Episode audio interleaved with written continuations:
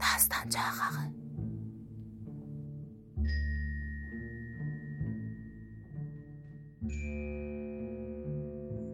Mən bunun kim olduğunu soruşdum. Kəlləpəz oğludur dedilər. Onu yanıma çağırdım. Bu təşviqin səbəbini də soruşdum. O mənə belə cavab verdi. Sağlıq olsa, görüşərik və bu işin səbəbini sizə deyərəm. Hələlik bu hərəmzadanın qardaşı Ağa Mirzəlinin də evini dağıtdırmaq lazımdır. Deyib getdi. Hələ qarət davam edirdi. Düşmən birdən-birə hücuma keçdi. Biz əlimizdə qalmış son bomba ilə özümüzü qurtardıq. İstanbul darvazası tərəfindən də şiddətli müharibə gedirdi. Buradan biri digərinin dalınca şad xəbərlər gəlirdi. İnqilabçı dəstələrin irəli getdiyini və mühüm yerlərin əldə edildiyini eşidirdik.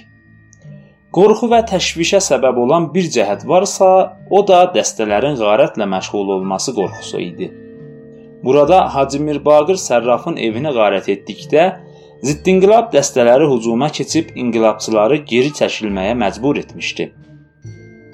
Sabahı küçələrdə belə bir elan buraxılmışdı. Kim qarətə məşğul olsa, haman yerdə edam ediləcəkdir.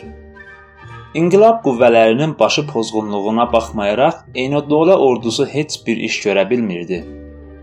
Qafqaz sosial demokratlarının işə ciddi diqqət verməsi Bombaların qorxusu Eynodolənin general konsula müraciət etməsinə səbəb olmuşdu.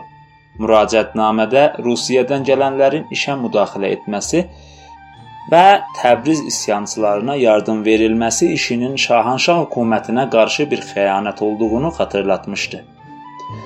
Buna görə də Qafqazlıları siyahıya almaq və gələnlər haqqında ciddi tədbirlər görmək üçün konsulxanada plan hazırlanırdı. Nina bu xəbəri söylədikdən sonra birinci kərə olaraq məndən soruşdu. Bir neçə kərə soruşmaq istəmişəm, e, amma yenə də unutmuşam. E, sən də Qafqazlımısan? Mən zarafata başladım. Hələ vətənim bəlli deyildir. Nə üçün? Çünki hələ evlənməmişəm. Nina üzümə təəccüblə baxdı.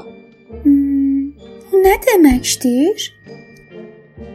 Məgər türkün məsələni eşitmədinizmi? Yox, söylə eşidim. Türklər deyirlər ki, qadının haralı isə sən də oralısan. Mən isə hələ evlənməmişəm. O güldü, lakin biraz sonra ciddi bir tövərlə Mən sizin haralı olmanızla çox maraqlanırdım. Çünki Qafqazlıları tutmaq istəyirlər. Yaddaş dəftərini çıxarıb bir neçə Qafqazlı adı oxudu. Məşədi Hacı Qafqazlı, Ağa Əli Qarabağlı, Həsən ağa Məşədi Həsən, Məhəmməd Əli Fərəcaxa, Mirzə Əli Əkbər, Əbdullah Qafqazlı. Hələ bir çoxlarını yazmaq mümkün olmadı. Qorxuram ki, sənin də adın bunların içində olsun. Burada mənim adım yoxdur. Olsa da biz qorxmuruq. Konsul bizi tuta bilməz. Hələ o vaxt yetişməmişdir. Saydığın adamlardan bir neçəsini çıxandan sonra hamısı burada oturan Qafqazlılardılar. Üzlərini görməmişəm, lakin onların haqqında çox sözlər eşitmişəm. Onların çox maraqlı adamlar olduğunu söyləyirlər. İnqilab hərəkatının içində böyümüşlər. İnqilab hərəkatı harda olsa, onlar yardıma gedən adamlardır. Yorulmaz, ağırlıqdan qaçmaz adamlardır. Bunlar torpağın mülkdar əlindən alınıb kəndlilərə verilməsinə kömək edirlər. Elə burada da onun üçün çalışırlar. Onlar hər yerdə padişah usulunun yıxılmasına çalışıb, elə yenə də çalışırlar. Bunları görmək nə qədər maraqlıdır. Hey, təəssüflər olsun ki, mən də Bakıdan gələnləri görməmişəm. Onlar heç kəsə və heç vaxt sırrı verməzlər. Onlar tanımadıkları və illər uzunu yoxlamadıkları bir adama sirri verməzlər. mən də sənin fikrini təsdiq edirəm. İtkin düşmüş atam da çox möhkəm firqəçi idi. Evdə onun dilindən heç bir şey eşitməmişdik. Baba, onlar adama çox gec inanırlar. Özü də onları aldatmaq çox çətindir. Boyunlarına götürdükləri vəzifəni də yerinə yetirməkdən ölsələr də belə boyun qaçırmazlar. Bunun üçün də Səttarxan bütün qorxulu səngərləri Bakı və Gürcüstan firqəçilərinə tapşırmışdı. Əcəb. Sən bunu haradan eşitdin? Eyni dölə bunu təfsilən yazıb ə, konsulxanaya bildirmişdir. Nina durub səbanı açdı. Oradan tələsik üzü çıxarılmış bir cədvəl çıxarıb oxumağa başladı. Nolbər səngərlərində Möhsün ağa, Xiyaban səngərlərində Məşhədi Hacı və Həsən, İnqilab Şurası və bazarın müdafiəsində Məhəmmədəli Qafqazlı. Bütün cəbhələrin kontrolunda Əli Misyo, Fərəc ağa, Mirzə Ələkbər, Əbdullah və sair Qafqazlılar. Bütün bu ittilatı Ninadan alıb götürdüm. Qızın fikrini başqa tərəfə çevirmək üçün bu ittilatların nə kimi vasitələrlə ələ gətirildiyini xəbər aldım. Nina söylədi. Bir çox hilələr işlətməyə məcbur olmuş. Ninanın nə qədər möhkəm bir qız olduğuna bir daha inandım. Konsulxanada çalışan kişiləri aldadırmış. Doğrudan da mən bu ittilatları nə vasitələrlə ələ gətirmənizlə maraqlanıram. Təəccüb ediləcək bir şey yoxdur. Söylə görüm. Tamamilə söyləsəm, qısqanmazsan ki? Bilmirəm. Hə, Əcəba mən qısqanmaq səlahiyyətini qazanmışammı? Mən bu səlahiyyəti sizə çoxdan bəri vermişəm. Əgər siz qəbul etməsəniz, bu başqa məsələ. E, mənim qısqancı olmadığıma başqa bir səbəb də vardır ki, e, bəlkə heç siz onu bilmirsiniz. Nina tez-tez əlimi sıxıb deyirdi: Söylə. Səni mənim canım, söylə. Söylərəm. Qısqanmağa lüzum yoxdur. Çünki mən bacarıqlı və namuslu bir qız olduğuna tamamilə inanmışam. Mənim bu sözlərimdən sonra Ninanın ürəyindəkilər tamamilə üzündən və gözlərindən oxunurdu. Onun əlləri birdən-birə qızdı. O mənim həqiqi yoldaşım olduğunu dilinə gətirmədən belə mənə anlatdı. Sevincli bir səslə İnanıram. Ancaq nə olursa olsun, kişilərdə qısqanmaq təbii bir haldır. Ancaq sən inanmalısan ki, Mənim yoldaşlığım istənildiyi qədər səmimidir. İndi dinlə. Mən şərqliləri, qadını tez sevən, şəhvət əsiri kimi tanıyırdım. Fəqət bu xüsusiyyət başqalarında da varmış.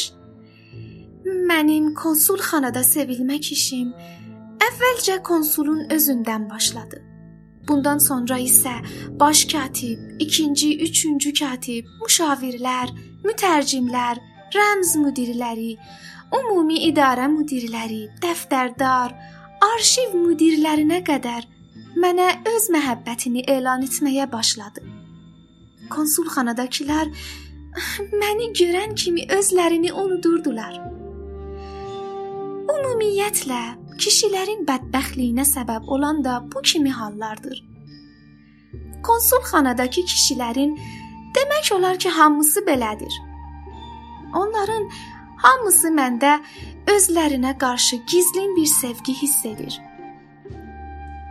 Bu kimi yanlış duyğunun nəticəsində onlar məni bir-birinə qısqanırlar. Mən bir gün Mirzə Fətullah xanın əlini sıxıb güldüm. Mirzə Əli Əkbər xan mənimlə xüsusi söhbəti olduğunu bildirib, nə zaman vaxtım olduğunu soruşdu. Mən vaxtım yoxdur deyə daimən boyun qaçırdım. Nəhayət bir gün o məni konsulxanadan çıxarkən qarşıladı və yol uzunu xüsusi söhbətini deməyə başladı. O dedi: "Mən sizə çoxdan bəri bir həqiqəti demək istəyirdim, amma buna fürsət tapa bilmirdim. Siz konsul ailəsinin içərisinə girdiyiniz gündən bəri nəcib və əsil bir ailədən olduğunuzu hiss etdim. Sizin hər kəsi gülə-gülə dindirməyiniz kibar bir ailəyə mənsub olduğunuzu göstərdi.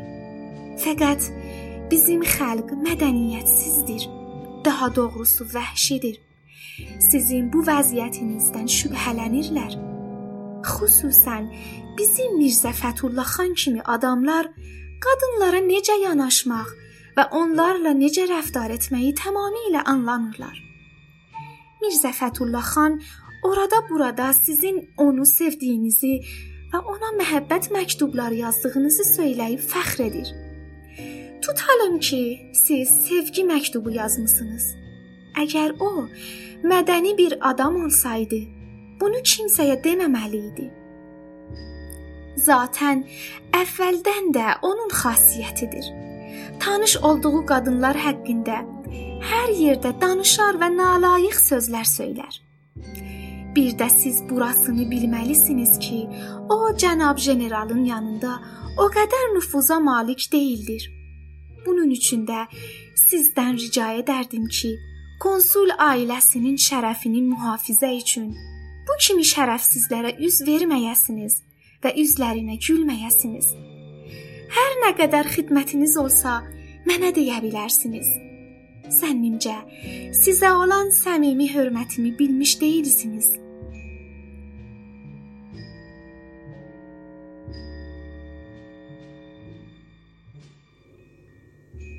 Kitabın adı Dumanlı Təbriz. Yazar Məhəmməd Səid Ordubadı. Hazırlayan Nurullah Purşərif. Bu bölümdə səsləndirdilər: Ravi Əhməd Qurbanı, Nina Saray Tahiri, Kəlləpəz oğlu Əli Səlmanzadə, düzənləyən Səccad Müslimi. Bizim axağa qatılmaqla işimizin ardını tutmaqda bizə dəstək olun. Axağımızın adresi Dastanca. D A S T A N C A